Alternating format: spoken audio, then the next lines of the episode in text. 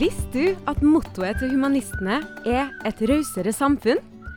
Vi tror at ved å samle alle humanister, uavhengig av tros- eller kulturell bakgrunn, kan vi sammen skape et rausere samfunn, der god dialog skaper mindre polarisering, at vi sammen kan styrke menneskerettighetene, og at vi sammen kan ta vare på miljø, naturen og alt liv rundt oss. Du kan enkelt bli medlem i dag ved å gå inn på våre nettsider humanistene.no. Medlemskapet er gratis, og du er hjertelig velkommen til vår rause og inkluderende bevegelse.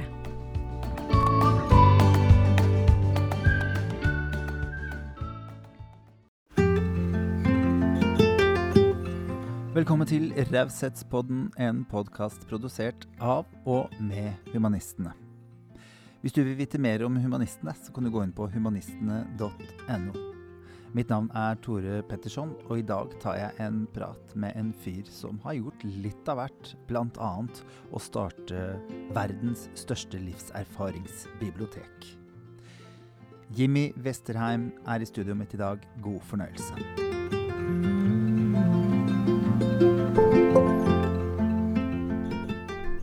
Da var det fredag og ny podkast, og denne gangen har jeg besøk av en uh, person som er uh, svært interessert i det menneskelige aspektet.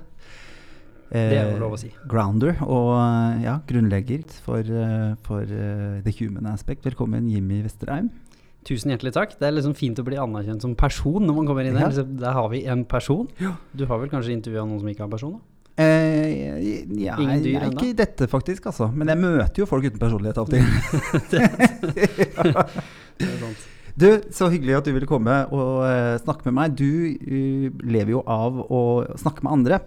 Uh, men jeg vet jo at du er en skravlekopp, du også, sånn som meg. Stemmer. Liker skravlekopper godt. Um, men jeg tenker at litt informasjon har jeg på deg, men du kan jo fortelle litt om deg sjøl først. Hvem er Jimmy Vesterheim? Det høres nesten ut som et avhør. Ja. Liksom, litt informasjon har jeg på deg, men uh, vi skal fylle ut. Så nå skal jeg fylle ut hvis det er noe du glemmer? Ja. Noe flaut? Noe flaut. Ja, mm. det er mye av. Nei da, jeg er fra bygda. Mm. En eh, såkalt uh, vanlig, simpel person sånn sett. Tilflytterfamilie på bygda på Hurum, mm. fra Trondheim. Jeg hørte det var Trondheim som var lagt ut et par runder før meg her, i hvert fall. Mm. Så um, vokste opp der. Eh, sånn sett relativt trygt, men jeg passet jo ikke inn. Så, så litt den podkasten når du gjesta hos meg òg, så hadde jeg veldig, kjente meg veldig mye igjen mm. i din historie. Ble på en måte mobba for å kanskje være for emosjonell i følelsene mine, for reflekterende. Samtidig som jeg var ganske stor og fysisk og glad i idrett. og det gjorde at jeg ikke passa så godt inn på bygda. Eh, og sklei inn i idrett som min på en måte store redning. Det ene stedet jeg følte meg eh, bra nok. Og, og da ble jo det altoppslukende. Da skal jeg selvfølgelig bli idrettsstjerne, og det var på en måte som så mange andre der ute. Skal ikke være noe halvveis. Nei. Nei. Og det lå jo litt i rota med at jeg måtte jo vise at jeg var bra nok òg. Mm. Den, den veldig sterke følelsen av at jeg hadde ramla på feil jordklode. Jeg husker på en måte at jeg så Supermann og tenkte at det var en god forklaring. Det er ikke at jeg nødvendigvis var Supermann, men at de hadde satt meg på feil sted. At jeg var ment på en annen planet. Men så fint at du så på det som en styrke. At, eller håper jeg, da. At var, eh, Supermann har noe vi andre ikke har. Mm. At du hadde noe som andre mang mangla, kanskje? Ja, jeg gjorde et ærlig forsøk, men jeg hadde en periode hvor jeg på ingen måte så det som noe styrke. Og så veldig lang historie kort sånn sett. så så ble det jo ikke noe idrettskarriere. Litt sånn kyssesyken og litt uh, luggent når jeg gikk på St. Halvard, i nærheten av der du var, uh, vokste opp. Mm. Uh, og så um, ble det jo da Forsvaret, hvor jeg liksom skulle inn der. Skulle prøve å finne ut av hva skal jeg nå. Og så er det jo utdanning som blir stappa på oss, da. så da tenkte jeg å få prøve ut det, da. Og så studerte jeg shipping her i Oslo. Flytta hjemmefra igjen, for jeg hadde flytta hjemmefra for å bo i Drammen. Nå var det Oslo, en større, større større by. på en måte. Ja. ja. Og skulle da ett år der, to år i England. Etter bare ett år så ble jeg tilbudt uh, da fulltidsjobb. Blanding av både sjokkblandet fryd, som det heter så flott, både veldig skremt av å skulle si ja til det og begynne å jobbe nå, for jeg hadde jo lagt planen. Jeg skulle jo studere, jeg skulle flytte til utlandet, dette var jo ting jeg ville. Ja. Men så ble jeg tilbudt noe annet som på en måte ble for godt til å ikke tørre å prøve, da. Så jeg følte jeg hadde ikke noe å tape. Nei. Og havner da i shipping. Uh, jobber derfor i Fredriksen-systemet. Veldig heldig sånn sett.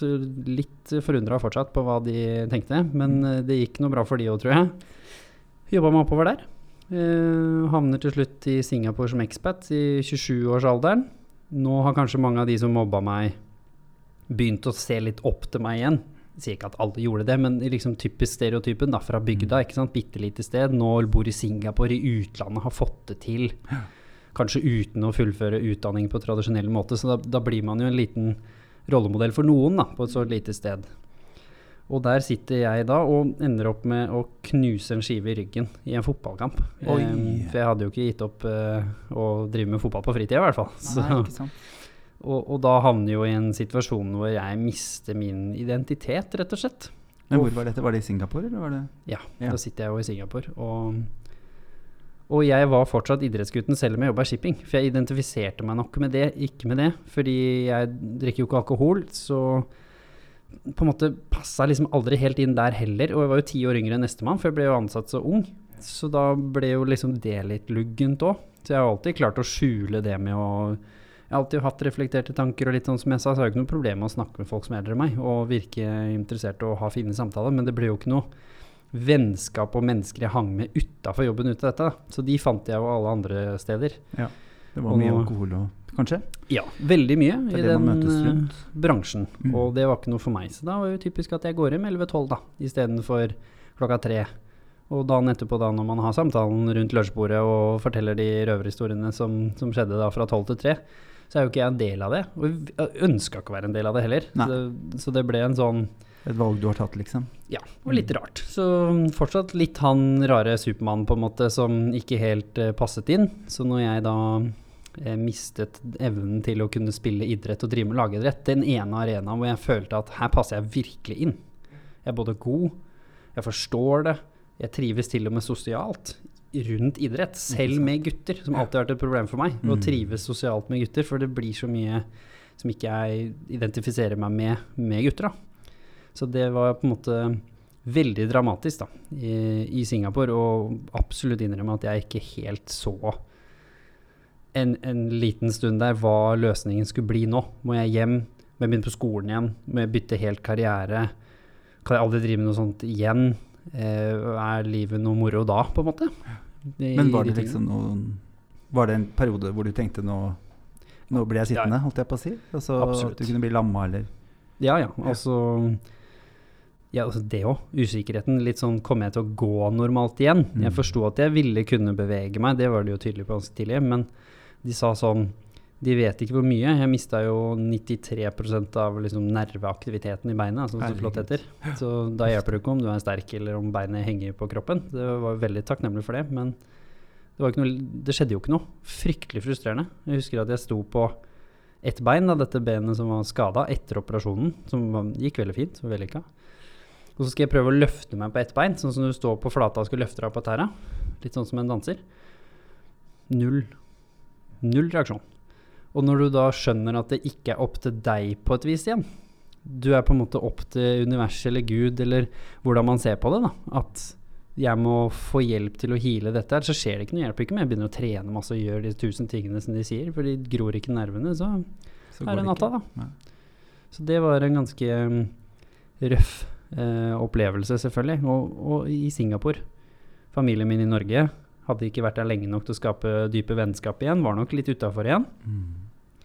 Da ble det ensomt. Ja, det skjønner jeg. Og som mann da, når jeg er blitt vokst opp med at det liksom snakker ikke om de tinga. Så jeg hadde ikke Forsto ikke at jeg skulle snakke om det. Pluss at jeg ville være tøff. Jeg skulle klare det selv. Jeg har jo alltid vært han fyren. Så da tror jeg nok jeg liksom tulla meg litt bort i en blanding at jeg ikke følte det var ille nok til å si til noen, og at jeg var flau. Og at jeg egentlig hadde lyst til å få det til selv òg, for det var det jeg alltid hadde gjort. Så jeg tok litt sånn stolthet i å lykkes med noe uten å spørre om hjelp. Ganske skummel eh, Ja, det er Spiral. skummelt. Jeg hadde en samtale med Trine Lise Olsen. Hun har vært uh, og besøkt meg i poden her før også. Um, men jeg hadde jo en operasjon eh, i sommer. Ikke i nærheten av så dramatisk som din, så jeg skal ikke sammenligne. Det er ikke derfor jeg forteller det. Men hun sa jeg tror, For jeg reagerte veldig på, på å være på sykehus. Liksom, jeg, jeg hadde aldri vært det før. Jeg, jeg var superbekymra. Liksom, kjente at det var så vanskelig for meg. det, Og da sa hun jeg tror det er litt tøffere for oss som har hatt en litt tøff fortid, mm. å bli fratatt Litt det du snakker om nå, da, det der med å bli fratatt uh, kontrollen. For, fordi man får jo et kontrollbehov. Ja. Når man har gått og vært mye usikker i livet sitt, så er det sånn Jeg skal i hvert fall ha, jeg skal ha kontroll på Kan i mine hvert fall stole på deg sjøl. Ja. Mm. Og så plutselig blir du fratatt den, og det er opp til noe annet. Mm. Mm. Fryktelig skummelt. Veldig. Jeg husker jo i Singapore så eh, Jeg var så heldig å møtte en av de beste nevrokirurgene i hele verden, som var professor og ledet hele den avdelingen eh, der. Mm. Men han fortalte jo, viste meg skaden og sånn, og så sa han jo liksom ja, det må operasjon om fem dager. Men han gjorde jo ikke så mange operasjoner lenger, han var ganske gammel. Så husker jeg at jeg, jeg var så redd. Man ser for seg en litt sånn mindre eh, kinesisk mann, og jeg er jo 1,90 så på en måte litt større. Så når jeg liksom tok han på skulderen i, i, i frykt, og jeg tror jeg tok ganske bestemt, Ja. og titta han ganske dypt inn i øynene og sa 'ingen andre enn deg skal inn i ryggen min', husker jeg sa på litt sånn uh, gebrokken engelsk, holdt jeg på å si. Og, og det viser jo litt om det du sier nå. Da var jeg så redd for å miste den kontrollen, og hvis jeg skal miste den, skal jeg i hvert fall miste den til den beste. Ja, Skal ikke da til noen andre. Helt Når du har den informasjonen, så, så grabber man taket i det Mm. som er. Mm. Så det gjorde han heldigvis, da. Ja. Men, eh, men, eh, men ja, det er helt enig. Og når jeg heldigvis begynte å skjønne da etter hvert at ok, det er mye jeg har kontroll på her, i rehabiliteringen, Mm. Men, hva, men hva skjedde? i selve I skaden Ja. Var det liksom, litt sånn one in a million, liksom? Eller? mm, Ja, nei. Jeg har slitt med overbevegelige ledd hele livet, Ja. eh, og har Myk, derfor overmyke ledd, liksom? Ja. Ja, og har derfor måttet trene en del øvelser og hatt mye skader og mye ting som har skjedd. Så i, i desember så hadde jeg da en liten ulykke på treningsstudio. En sånn typisk sånn drev med kettlebell og i riktig ryggen, og så da låste det seg, liksom. Men det har jeg hatt mange ganger i livet, og tenkte det her er en muskelstrekk. Tok fri, gjorde det jeg pleier å gjøre, litt fysio, litt behandling. Ingen som la merke til noe annet. Uh, kommer tilbake, og så er det jo Jimmy-style. Mm. Da er det da rett fra ingenting til hard liksom, nå, skal jeg, nå har jeg gleda meg til å trene. liksom. Nå er det bare å Ja. jazze på. Tilbake fra desember i Norge, rett til Singapore, 35 grader. Tennismatch første dagen. Dagen etterpå fotballtrening, to timer på hardt underlag. Kjør. Mm. Og sånn jeg kommer hjem og legger meg nå, så har det som har skjedd, det har det de tror, da, det har vært en prolaps i desember, men som har bare kilt seg, som ikke liksom jeg, Når jeg tok det rolig, så merket jeg det ikke like mye. Og så har jeg rett og slett med knust den skiva, så det ble ikke en ny prolaps, den bare eksploderte inn i ryggen, og da har jo kuttet masse av øh, nervebanene nedover da, og forstyrra de. Herregud. Så de måtte plukke dette ut av meg, da. Rett og slett. Og så skjer det jo noe, en forandring. Fordi du har jo eh, startet denne organisasjonen. Eh, men du begynte øh, først, Vi kan jo gå innom det først. Eh, Leger uten grenser. Ja, Fordi det er jo litt sånn typisk når man står midt oppi dette her, da. Skaden. Så får du mye tid til å tenke. Litt sånn som har skjedd et par ganger med deg òg, vet jeg. Og så tenkte jeg sånn Hva gjør jeg her egentlig? Altså sånn, Hvorfor jobber jeg shipping? Hvorfor sitter jeg i Singapore nå? Ingenting gærent med det, det var veldig spennende i seg selv. Men Mm. det var jo ikke meg. Og da var det en mentor av meg på den tida som utfordra meg og sa ok, gå inn i livet ditt, og så ser du på alle de store avgjørelsene du har tatt, og så setter du opp de alternativene du hadde når du tok den avgjørelsen. Og så prøver du å finne ut ærlig hvorfor valgte du den veien du gjorde, og se om det er noen mønster her. Som han selvfølgelig da ante at det var. Det mønsteret jeg så da, som det høres ut som jeg er fryktelig reflektert over nå, som jeg da visste hele tiden, det har jeg jo ikke, Nei. det var at hver gang jeg hadde et stort valg, så tok jeg det vanskeligste. Uansett om jeg likte det eller ikke. Fordi jeg underbevisst hadde så enormt behov for å vise at jeg var god nok. Og god og flink og et bra menneske. Sånn at uh, f.eks. biologiske faren min skulle ta interesse av meg. De vennene som mobba meg, skulle føle jeg var bra nok. De som kanskje ikke hadde fått nok oppmerksomhet fra, skulle liksom anerkjenne meg. Mm. At nå hadde jeg tulla meg helt bort. Og hva gjør vi mennesker da? Når vi føler noe sånt, da gjør vi det ekstremt motsatte. Ja. Så da gikk jeg fra kapitalistens høyborg til Leger uten grenser. Penger på bok til ja. Til å redde verden, da, på en Ja. måte, for å på en måte tulle litt med det. Ja. Givende. Veldig, men selvfølgelig. Det var jo nå tøffe tolv måneder med rehabilitering. Først seks måneder i Singapore, så tolv i Norge. Fullfører da litt utdanning eh, og sånn, for jeg sa jo i stad at jeg fikk jo ikke fullført. Nei.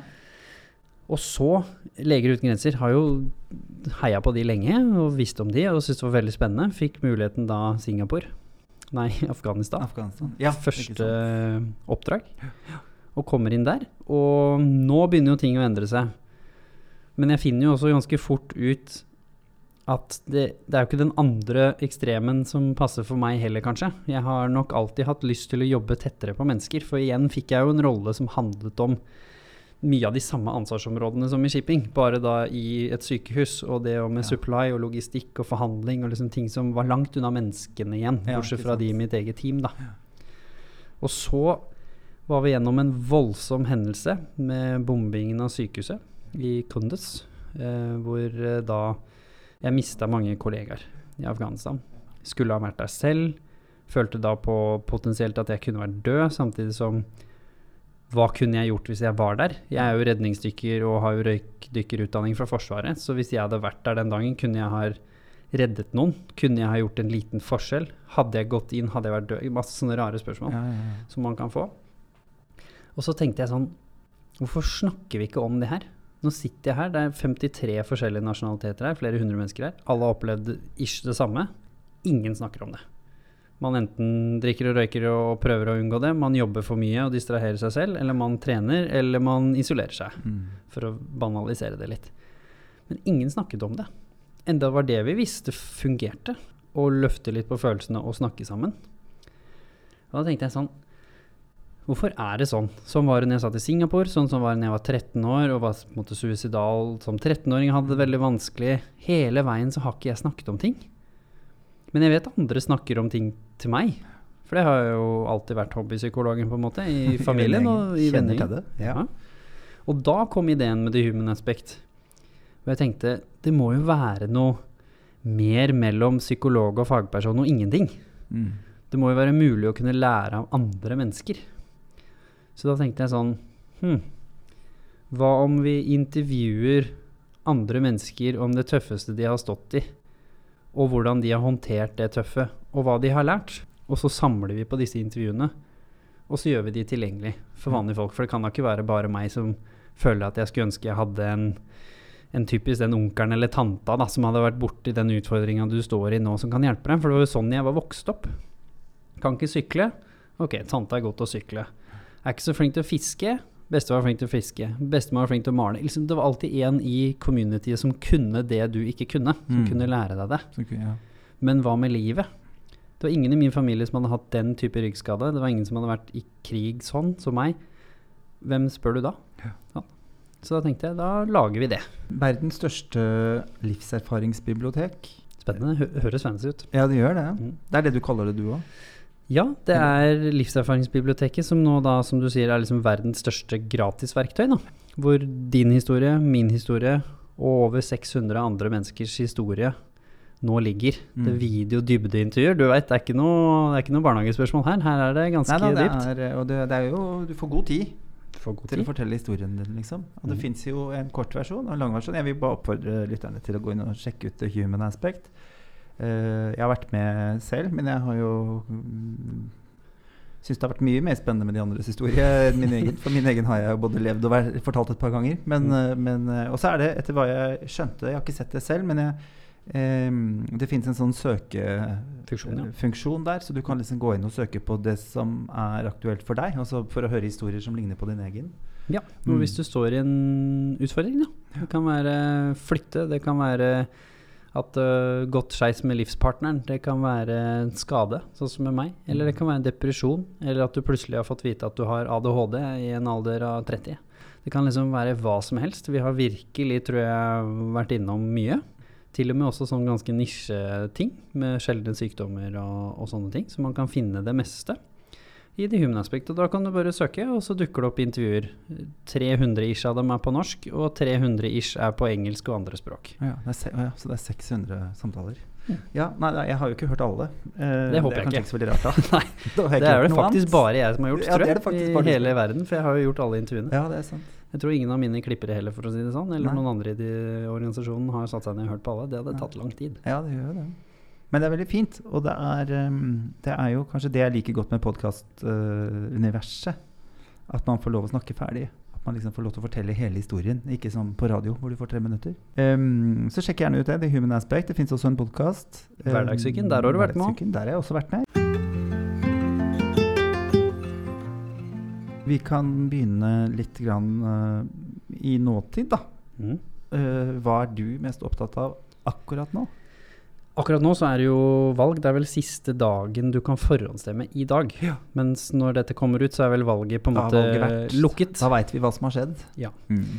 Men det som da opptar meg litt ekstra akkurat nå, det er jo da de store tingene som jeg mener at vi må ta tak i nå, eller så begynner det å bli litt seint. Eh, og, og selvfølgelig psykisk helse er selvsagt eh, en av de. Eh, det andre er generelt opptatt av eh, på en måte miljø på en måte som, som viser folk at det er mulig, men også viser folk at det er ikke snakk om svart eller hvitt. Det er ikke sånn at enten hele planeten brenner opp, eller at vi ikke skal ha velferden vår. At løsningen er selvsagt mulig å få til noenlunde begge deler. At vi Mm. kan ta vare på planeten og samtidig sørge for at folk er i jobb, og at folk har det bra i livet. Men også sosiale forskjeller er veldig viktig for meg, for jeg kommer jo fra Hurum, fra bygda. Var i en vanlig på kanten til innimellom familie som hadde det litt tøft, ikke liksom noe veldig dramatisk. Vært i Afghanistan, Nord-Korea og 50 andre land hvor det absolutt er dramatisk. Mm. Syns at vi som land i Norge ikke skal ende i en situasjon hvor noen trenger å være genuint fattig og ikke vite hvor neste måltid skal komme fra. Det burde vi være for gode til. Så derfor så er jeg veldig opptatt av det, å kunne være med og bidra til å i hvert fall fordele litt eh, om og sørge for at eh, det finnes myndighets eh, tjenester som kan fange opp de, de som da skal være veldig uheldige og ikke mm. komme seg ut. Da.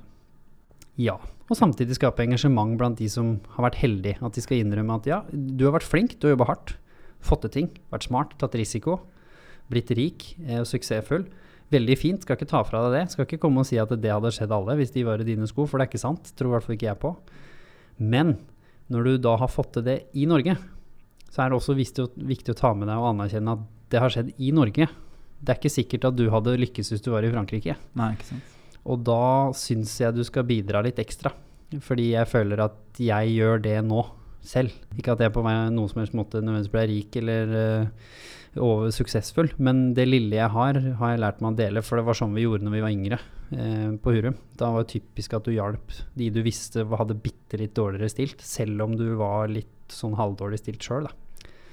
Så det, det er vel det jeg er veldig opptatt eh, av nå.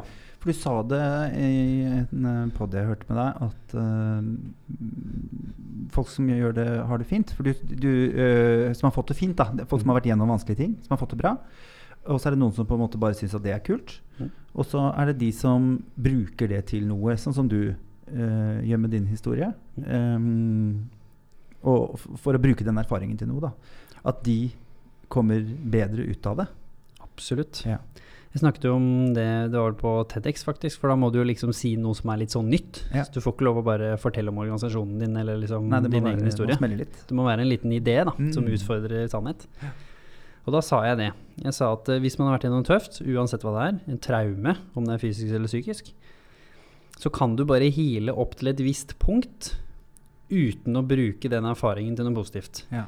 Så du kan bli healed i den forstand, men det vil alltid være et sår. Det vil alltid være litt sånn tungt å snakke om, eller tungt å bære. et vedheng, liksom. Ja. Men hvis du klarer å bruke det til noe positivt, at du nå i hverdagen kan si ja, det som skjedde meg, skjedde meg, men det ga meg x, y, z. Det ga meg denne jobben. Det gjorde at jeg fikk skrevet en bok. Det gjør at jeg i dag er en flinkere barnehagearbeider fordi jeg vet, eller i barnevernet, eller hva nå enn man driver med. Så ser jeg på bakgrunn av de 600 som jeg intervjua, og et par hundre som jeg har hatt i poden, at det viser veldig tydelige tegn til at de som bruker det til noe, de også opplever jeg har det mye bedre generelt, i form av at de føler at de har funnet en form for purpose, som veldig mange der ute flyr og leiter etter. Og at de føler at den historien som har skjedd, har de mye tryggere forhold til.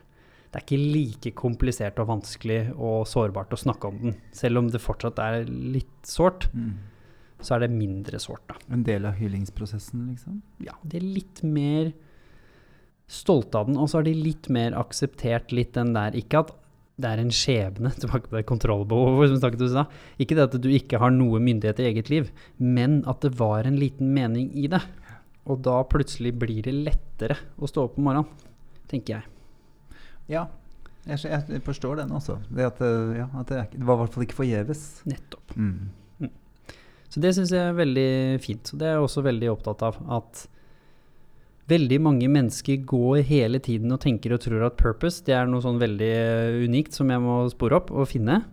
Og ikke minst at suksess er bare for et visst antall mennesker i et sånt samfunn som vi har nå. Det, vinnere er på toppen, og ingen bryr seg om de under. Under.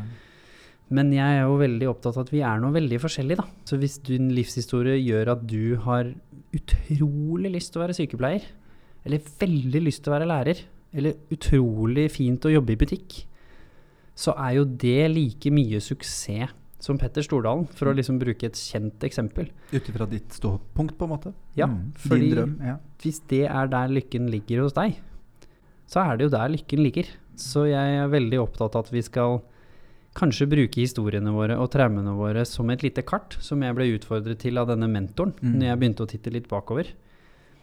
Jeg kunne jo ikke gjort noe av det jeg har gjort i dag, hvis ikke jeg hadde turt å grave litt og anerkjent at dette med at jeg, biologisk faren min, ikke anerkjente meg, mobbingen, det med at mamma hadde en tøff periode, og at jeg hadde en stefar som gjorde at jeg ikke følte jeg fikk sørga over å ikke ha en biologisk far. For jeg var så heldig med stefaren min. Og det var jeg òg, og er jeg. Men det, at liksom historien din kan skape visse tomrom. Så hvis ikke du er klar over de, så vil du få lavere livskvalitet. Og er du klar over de, så er det purpose. Ja. Det er derfor du er den du er. Det er derfor sykepleier brenner for deg. Mm. Og ikke minst den siste biten, da, med at det ikke er for seint å snu. Jeg var jo i shipping og var på vei en helt annet sted. Ja, jeg var bare 27. Ja, jeg ble tvunget av denne ryggskaden til å tenke litt. Men jeg kunne bare fortsatt i shipping. Du trenger ikke begge beina dine og idrettskapasitet for å jobbe i shipping. Så jeg valgte å bytte. Veldig takknemlig over det. Og jeg feila litt igjen med Leger uten grenser. Veldig nyttig erfaring, men det var heller ikke min sti. Hva så? Mm. Nydelige erfaringer som jeg ikke angrer på at jeg gjorde. Selv om jeg på en måte der og da igjen følte frustrasjon med at jeg passer ikke inn. Ikke? Den, Mhm. den for 150. gang føltes det som i mitt liv. Men til slutt skjønte at nå bruker jeg nesten alt av det jeg har lært i disse tingene, til det jeg driver med nå. Og det tror jeg vil gjelde de fleste, hvis vi tør å liksom spørre de litt mer spørsmål om hvem er du, og hvorfor har du de ferdighetene.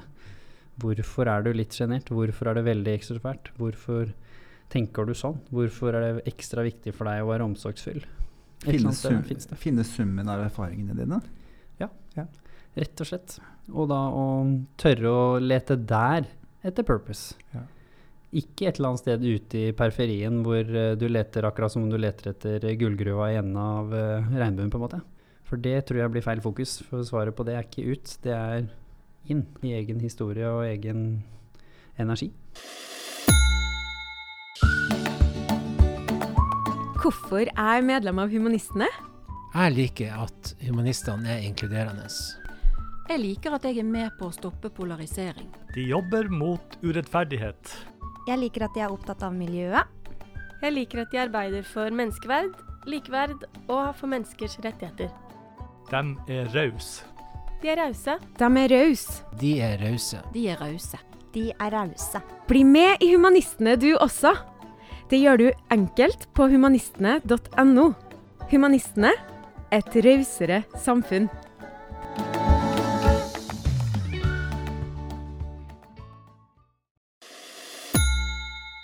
Jeg leste en bok eh, hvor de snakket om at du må ikke la Du må ikke la på en måte eh, de sterkeste behovene dine være opp til andre.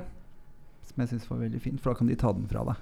Mm. Så hvis man trenger andres anerkjennelse, f.eks., eller hvis man trenger andres kjærlighet, andres tilgivelse, så blir det på en måte noe man må ha.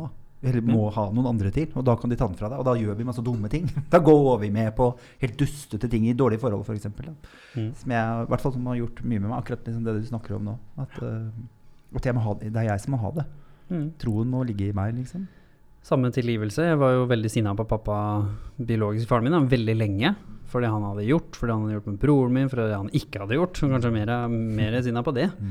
Eh, og så gikk jeg med en tanke om at tilgivelse, det var noe jeg skulle gi han. Det var min. Så hvis jeg ikke ga den til han, så straffet jeg han. Og sånn sett, det, det var liksom den lille sånn ha-ha jeg kunne holde på, da. Mm. Men det førte jo bare til at jeg følte meg veldig dårlig, og han antagelig ikke tenkte på det i det hele tatt. At jeg ikke hadde tilgitt han, i hvert fall. Han tenkte jo sikkert på meg på sine måter, skal jeg ikke snakke om hva han tenkte og ikke tenkte. Men den straffen som jeg trodde jeg ga han, da, på en måte som jeg mente han fortjente, den tror jeg ikke han kjente så mye på. Nei, det er det, vet. Men når jeg tilga han for meg, Ja. når jeg tilga meg for det som hadde skjedd og ikke skjedd, og ikke gjort og gjort Og ikke tatt det ansvaret, liksom. Mm. Ja. da ble det veldig spennende. Fordi da fikk jo jeg tatt av den børen.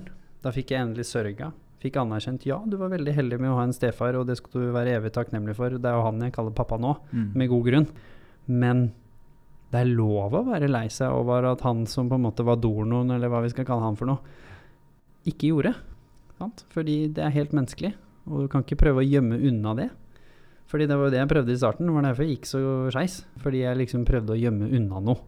Og så baller det på seg da, med at det blir flere ting som bekrefter den sannheten. Og den er at ikke engang din egen biologiske far vil ha noe med deg å gjøre. Og velger å flytte og stikke av og ikke være med mamma, eller ikke være med deg heller. Så jeg visste jo at det var foreldre som var skilt, men hvor faren fortsatt var, var i nærheten, i hvert fall. Ja, ja. Ja, de sier jo eh, bitterhet er som å spise gift og tro at den andre skal dø. Eller ja. Ja, ja. sånt. Selv spise gift. Ja. Vi skal snakke litt om raushet. Du er jo liksom inne på det. Jeg syns jo eh, temaene vi snakker om nå, handler om, om raushet. Men jeg vil liksom først starte med å spørre deg hva, hva er raushet for deg? Hvordan definerer du raushet? Raushet for meg handler om å ha tatt så godt vare på seg selv at jeg har et lite overskudd, og med det overskuddet skal jeg serve others, på en måte. Jeg skal gi det til noen. Jeg er nødt til å, å ha Raus for meg mener jo liksom litt mengde. Jeg ser for meg liksom en raus person Overflod, der liksom liksom. har litt ekstra, Ja, ja. på en måte. Og veldig lenge trodde jeg det handlet om å bare gi alle andre hele tiden, av meg selv. Det er akkurat som om at eh, ja, Gud eller universet eller noen skulle stå og telle, på en måte. ikke sant? Sånn karma, at uh, runder du regnestykket før du er død, så har du gjort en god jobb. Ja. Mens utfordringen med det var jo at jeg glemte jo meg selv oppi det, som gjorde at til slutt så hadde jeg kanskje ikke så mye å gi, og det holdt på å gå skikkelig skeis et par ganger i livet. Mens nå ser jeg mer på det som den nydelige blandingen av å være raus med meg selv, ha raushet overfor meg selv, like mye for mine feil som mine anerkjennelser. Samtidig som det er viktig for meg å ha det utad. For jeg du spurte meg om jeg var opptatt i stad, jeg burde ha sagt dette først. Jeg er veldig opptatt av at vi har skapt et samfunn hvor man tror at det å tenke på seg selv og oppfylle noe bare for seg selv, er suksess. Ja. Og det er det jo litt også. Men du må klare å ha to tanker i huet samtidig. Du må klare å ta vare på deg selv, ha gode tanker om deg selv. Som du sier, ikke la andre definere eller bestemme hva som er bra og ikke bra, og kjærlighet og ikke kjærlighet og sånn, som deg selv. Men vi må også anerkjenne at vi tusler nok ikke rundt aleine på denne jordkloden. Så vi har nå også folk rundt oss. Vi har familie, vi har venner, vi har bekjente. Vi har folk vi bare liker. Mm. Vi har folk vi heier på.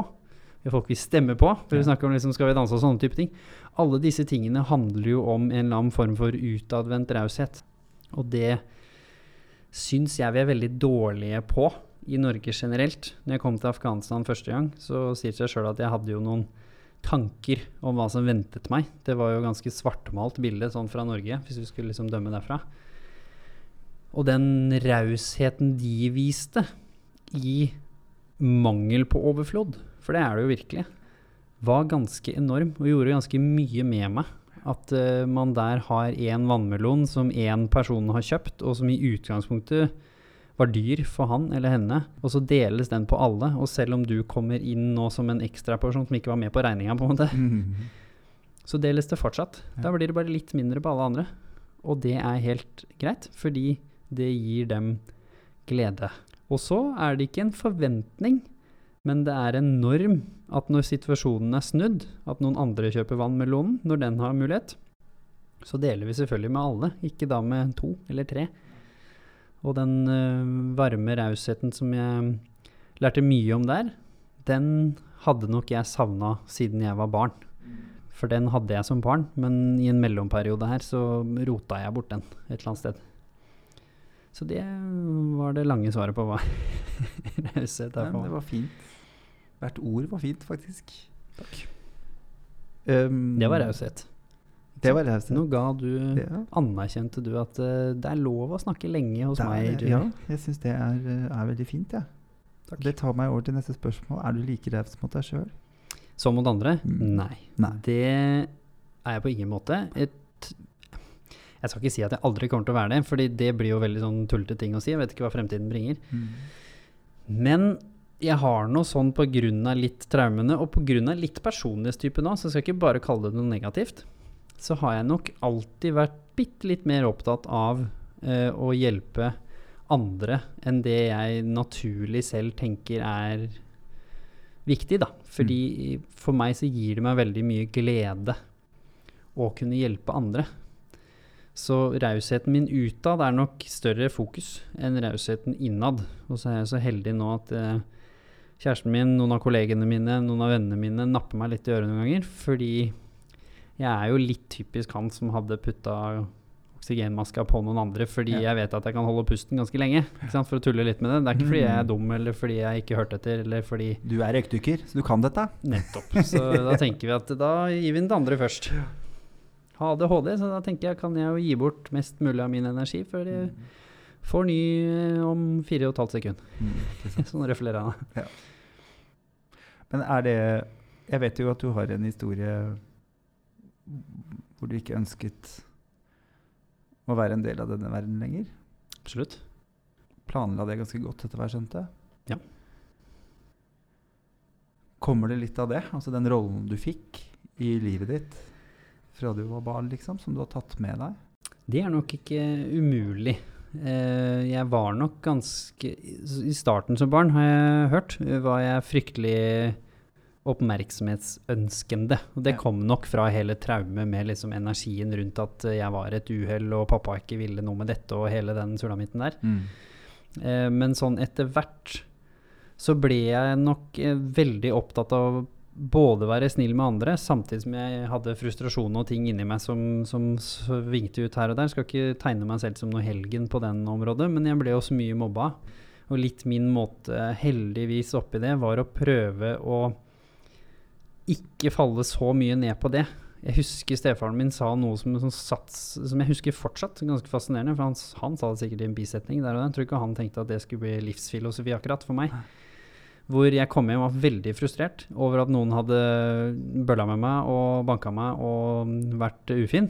Og så Mamma er jo litt mer liksom typen som liksom ta igjen, da. Ikke nødvendigvis noe vondt ment, men hun er liksom sånn må stå litt opp for deg selv, og, og så, så stopper det kanskje. Sant? For jeg hadde jo muligheten til det. Mens han, stefaren min, var litt mer sånn ja, men hvis du gjør det samme som dem, er du da noe bedre enn dem, på en måte? Hva er forskjellen på at du gjør det mot dem og dem gjør det mot deg? Det er vel det samme, ikke det? Og det satte seg så hardt at neste gang jeg da fikk muligheten til å ta igjen, så ble jeg litt sånn Vil jeg det? Og jeg sier ikke at jeg aldri ikke tok igjen, for det gjorde jeg. Men det satte seg så hardt at jeg da begynte heller å prøve Ja, men hva hvis jeg er mer snill med de andre, da? Kanskje jeg får mer venner da? Trenger jeg på døde og liv og at disse skal like meg? For det er jo gjerne at du vil at én eller to eller tre eller noen få skal like deg. Så prøvde jeg heller å bruke mer energi og inkludere andre så godt jeg kunne, da. For jeg strevde jo nok som jeg gjorde. Så sikkert andre rundt meg som var mer eh, empatiske i meg òg, men jeg prøvde å overføre verdier fra bestemor, fra mamma, fra Mm. tante, fra onkel og de rundt meg om å faktisk eh, bry seg, og spesielt kanskje om de som hadde minst. Familien min har alltid vært opptatt av uh, av f.eks. de som virkelig sliter. Da. Kanskje folk som har slitt med rus, eh, folk som har havnet på gata, slitt med fattigdom. Det, det tror jeg jeg bare har sett rundt meg. At uh, mennesker behandler vi med respekt, og man dømmer ikke mennesker for hvor de er fra en sum av handlinger. Sånn at de jeg sitter med ansvaret, det er også en stor del av uhell, eller uh, på en måte at det kunne ha skjedd deg-stemning i det, da. Så de har like mye verdi. Jeg vil jo si du har en raus oppdragelse. Det vil være riktig å si, tror jeg. Hvordan eh, påvirker vi andre til å skjønne viktigheten av det? De som har Jeg har liksom ikke lyst til å henge ut foreldrene, for de får så mye drit. Men jeg tenker det er jo Ja, jeg hørte en historie i stad om en, en, eh, en far som aldri hadde opplevd Var flink i alt. Og. Alt var liksom på topp. og fikk barn som ble mobbet. Mm. Og på den måten ikke sant, hadde ingen anelse om hvordan man skulle håndtere det. Klarer du å gjøre deg noen tanker liksom, om hva burde foreldrene ta med? Ja, også jeg, jeg tenker at foreldre en gang for alle burde ta inn over seg at det handler ikke om hva du sier, det handler om hva du gjør, Ja. eh, og hva barnet ser. Men ikke glem hva barnet føler. Fordi jeg husker jeg hadde en nære venn en gang som, som Han sleit i forholdet sitt eh, med kona, og han, som veldig mange andre, tenkte vi står i det pga. barnet. Vi venter til barnet blir litt eldre, og så flytter vi fra hverandre, og så går vi. Og fram til da så prøver vi å fikse det. Så det var veldig honorable idé. Man skal ikke liksom bare hoppe ut av noe heller, men de hadde prøvd lenge, da. Og Tanken, tanken var god. Tanken var god. Mhm. Og så sa jeg til han, ja, men tror du ikke hun kjenner det? Det handler jo ikke om hun ser at du går og legger deg på sofaen. Hun kjenner jo det når dere aldri kysser, aldri sier eh, 'elsker deg' foran henne, eh, kanskje ikke kjærtegner hverandre lenger. Og dette adopterer jo vi med oss videre ut i livet. At det ikke er sånn. Jeg husker jo mamma og stefaren min som nesten litt sånn på kanten ekle. Ikke på noen negativ måte, men at de kyssa da jeg var tenåring. Jeg bare, slutt. Som alle syns er flaut. Ja. Ja. Og var veldig flinke på det.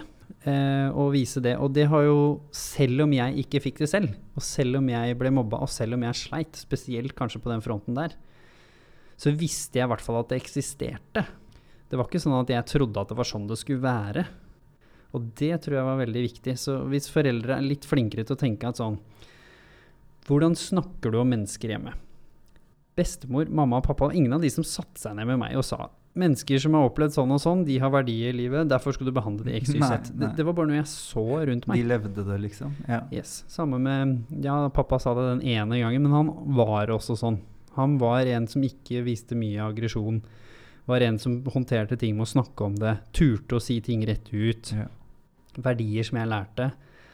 Han gjorde aldri forskjell på meg og søstera mi, som er hans på en måte liksom, blod, da, hvis jeg skal kalle det. Mm.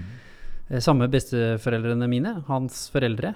Eh, mamma sto i masse eh, tøffe ting, viste meg allikevel. Mamma og vårt hjem har alltid vært åpne for andre barn som har slitt. Andre voksne som har slitt. Samme bestemor. Så min beste på en måte verdipåkjenning der, som blir lærdommen i det, er at det er mye viktigere for deg å tenke litt gjennom hva du gjør og sier om andre enn nødvendigvis de der reglene eller bøkene du har lest, eller hver eneste setning du har til barnet ditt. Som vi, det virker som vi er litt overopptatt nå når vi får barn. Skal ikke jeg snakke om det før jeg får mine egne, men jeg tenker at mye ligger der. Hvis vi hadde vært mer ærlige med oss selv, og ikke gått rundt og latt som vi var en helgen, så tror jeg at vi hadde vært flinkere til å anerkjenne at f.eks. Ja, kanskje jeg er bitte litt minirasist. Jeg er litt redd for andre kulturer, for jeg har lite erfaring. Så hadde du liksom uskadeliggjort det litt, så hadde du vært bevisst om det, så hadde du kanskje ikke sagt så mye dumt rundt, f.eks. Samme med, med seksualitet, da. Hvis du bare Vet du hva, jeg kjenner ingen jeg, som, som er homofil eller en annen. Derfor syns jeg det er litt uheldig. Så ja, jeg skulle ikke ønske det hadde skjedd barnet mitt. Ikke nødvendigvis fordi jeg har noe imot mennesker som er det, men bare fordi at jeg vet ikke hvordan jeg skulle håndtert det. Sånn som du sa, han pappaen som aldri hadde blitt mobba sjøl. Det er jo ikke det at han ser ned på folk som blir mobba, sikkert, men det er bare at han han plutselig for første gang i livet føler at han ikke mestrer. Nei. Så hvis de hadde vært litt mer ærlige med sånne ting, og prøvd å gjøre noe med det, prøvd å forstå, sett et Human Aspect-intervju f.eks., gått og snakket med noen som har det, spurt en annen forelder som kanskje hadde et barn som hadde mobba, eller spurt en som deg, eller Mm. meg, som har blitt mobba som barn, spurt du, barnet mitt sliter med det her, har null erfaring, jeg. Det sitter så langt inne for oss å innrømme akkurat det der. Jeg har null erfaring, jeg. Kan du hjelpe meg? Å, hei sann. Skulle Jeg har ønske sånne jeg gjorde det. Jeg kjenner eh, hver gang Så liksom eh, knekker jeg fingra og gjør meg klar for å skrive, liksom. For det syns jeg er så fint. Det er jo nydelig. Når mammaer, kanskje spesielt pappaer, da, for jeg vet jo gjennom generasjonen at det har vært, vært liksom noe menn ikke skal snakke om. Så jeg synes det er så fint. Bare sånn, Tore, du har snakka om dette. Gidder du å bare fortelle meg litt om hvordan ja, jeg kan håndtere denne? Spesielt kanskje overfor barn de opplever som skeive eller Mm. annerledes på en eller annen måte. da. Hvordan tenker du hvis man skulle startet allerede i morgen? Eh, sånn første steg mot et rausere samfunn. Det er jo derfor vi startet denne podkasten. Vi har lyst til å gjøre verden litt rausere. Første steg mot et rausere samfunn, Nå skal jeg si det litt flåsete, titt opp på mobilen din. Ikke sant? Det litt fordi, og med det mener jeg ikke fysisk mobilen din, men titt opp. Hvis du faktisk begynner å legge merke til folk rundt deg, ser at noen kanskje står litt forvirra på et hjørne, ergo de lurer på hvor de skal. Noen ser ut som de ser veldig lei seg ut. Spør hvordan går det, selv om det ikke er en du kjenner. Hvis det er en kollega, så burde det være enda lettere. Så liksom litt mer oppmerksomhet utad, og ikke tenk at det betyr at du ikke tar vare på deg selv, eller at du ikke liksom Det er ikke det jeg mener, men vær litt bevisst. Det er ikke så viktig å effektivisere at du må sende fire meldinger nå mens du går fra kontoret ditt på Mesh fram til Tore for å møte han til podkasten. Da kan du faktisk titte litt rundt.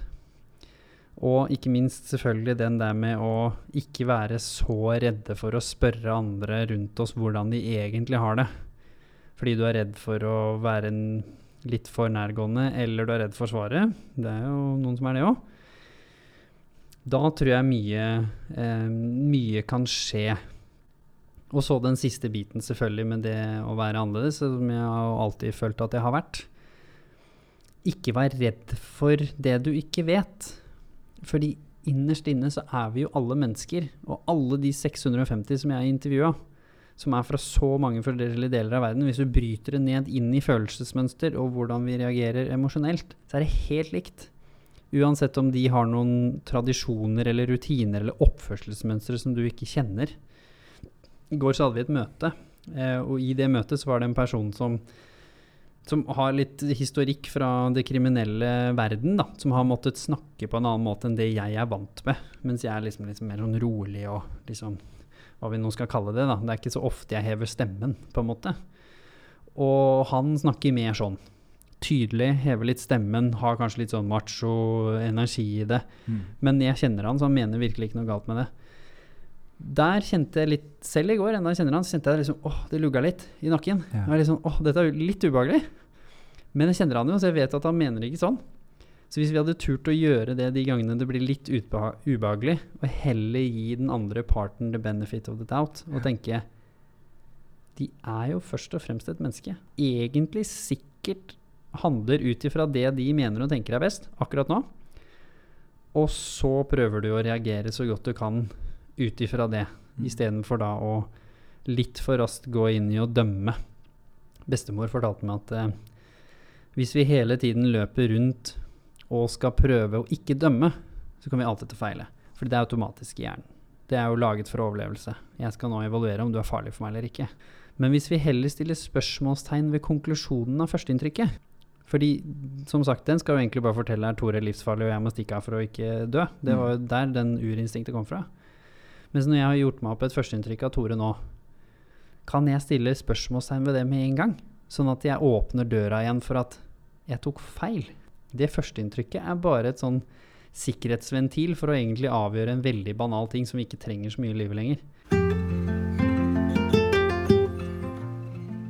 Om ehm, du kunne bestemme hvordan ser eh, verden ut eh, Mm. i fremtiden? Hva er ditt største håp for fremtiden?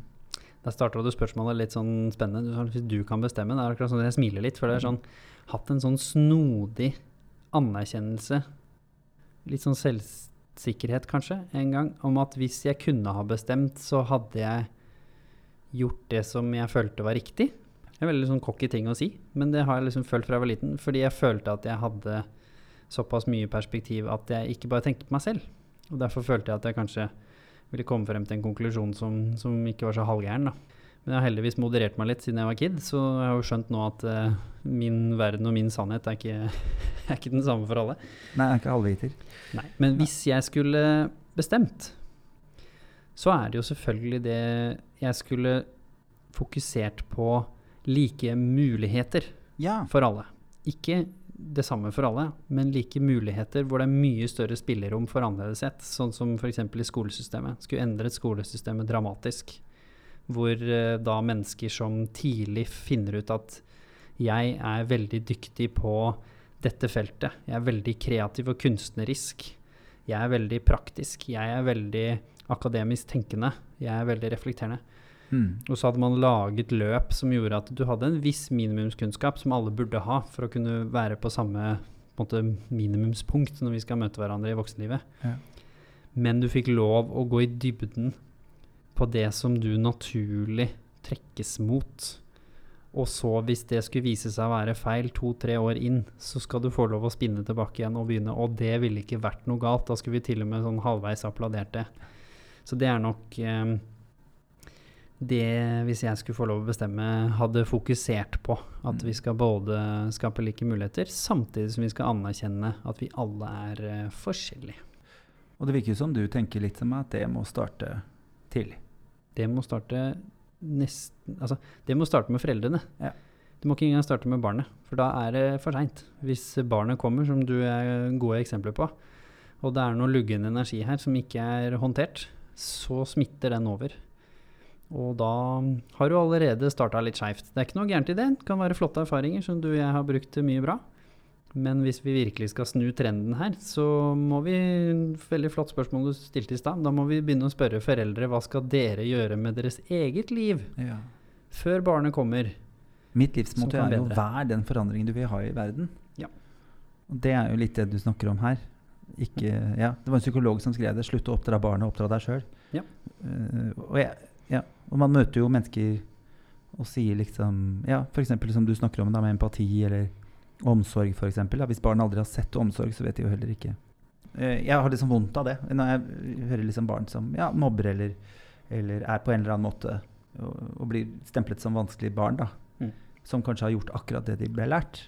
Så de skjønner Ingen jo barn som gjør det med med Nei, vilje Nei, gjennom en reflektiv tanke. nei. Det kommer jo fra et sted. Sier ikke at vi skal forsvare mobberne, men vi burde også bruke tid på begge deler. Både de som er offer for eh, mobbing, de som er innocent bystanders, og de som utfører det. Fordi hvis man har muligheten til å møte alle de tre partene med, med kjærlighet, så tror jeg mer på at det gjør at mobberen finner en løsning på å slutte å mobbe, enn straff.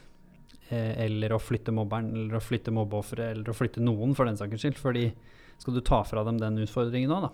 Mm, Hva med når du blir 25 og blir mobba på jobben? Skal du bare flytte igjen, da? Det er jo ikke en løsning. Aldri. Veldig bra. Vi skal avslutte denne podkasten. Nå sitter du med handa over den rosa skåla. Ikea-skåla vår. Eh, der ligger jo våre verdiord. Så du kan Mhm. bare plukke opp en av de, og så vil jeg at du bare skal si de første ordene som faller ned. Jeg vet jo ikke Skal jeg plukke opp én? en, to? Ja, én holder. Der står det aksept. Aksept. Det er dagens ord for meg, skjønner jeg. Det er dagens ord for deg. Det liker jeg, fordi aksept er et ekstra viktig verktøy for sånne som oss, som Ja. ønsker kontroll, forståelse. Og det er nok ganske mange av de der ute. Visse ting er ikke nødvendigvis ment for at du skal forstå det, og det er på en måte lærdommen. Ja. At visse ting skal bare få lov å være. Og du skal også anerkjenne at kanskje jeg finner ut av det om noen år. Kanskje jeg aldri finner ut av det. Og jeg syns det er veldig fint å prøve å fordele den litt limiterte energien vi har. Det er ikke alle som har ADHD, som har liksom sånn fire bonusbatterier som ligger og slenger, sånn som meg. Men så sånn som f.eks. i en covid-situasjon, da, sånn for å liksom dra inn det på slutten her, så kan du jo tenke sånn Ok, hvilke av disse tingene er jeg får gjort noe med? Hvem får jeg ikke gjort noe med? Så hvis du aksepterer at det er ting her jeg ikke får gjort noe med, så blir de litt lettere å bære på. Ja. Litt lettere å snakke om, for da er de ikke så lugne. Og så aksepterer du at jo, men se her, det er jo ting jeg kan gjøre noe med. Som du sier, som kanskje handler om deg selv, situasjonen du er i, eller folk rundt deg. Og så gjør du de, men da må du begynne med aksept. Så må du også akseptere f.eks. historien din, da. Når jeg anerkjente og aksepterte historien min, var da jeg faktisk kunne begynne å nyttiggjøre meg av den og begynne å vokse litt oppå den. Og fikk da roet ned dette barnet som ikke hadde fått oppmerksomhet på veldig lenge, som mange snakker om i psykologiens verden. Mitt lille emosjonelle barn. Så følte det seg sett og hørt. Løste ikke alle problemene, men følte seg bitte litt sett og hørt. Da kan man begynne en positiv personlig endring, som jeg tror føler til at du vil føle det overskuddet vi snakket om i stad. Og endelig kanskje kan begynne å dele raushet av overflod, og ikke av lysten på å bli sett på som god for anerkjennelse eller være bra nok, Ikke sant. tenker jeg. Det syns jeg var helt nydelige siste ord i podkasten. Tusen takk, eh, Jimmy, for at du gadd å bruke en time på meg. Du, det gjør jeg når som helst. Det var en glede å komme. Tusen takk. Herlig. Raushetspodden kommer hver fredag, og eh, det er hyggelig hvis du forteller det til en venn. Stikker inn på en av disse podkastappene og slenger inn eh, ja, for å bare ta et tall, fem stjerner f.eks. Eh, eller noe annet. Kom med tilbakemeldinger, og for det blir jeg veldig veldig glad for. Tusen takk for at du hørte på. Raushetspodden produseres av og med Humanistene. Mitt navn er Tore Petterson, og da gjenstår det bare for meg å si riktig god helg.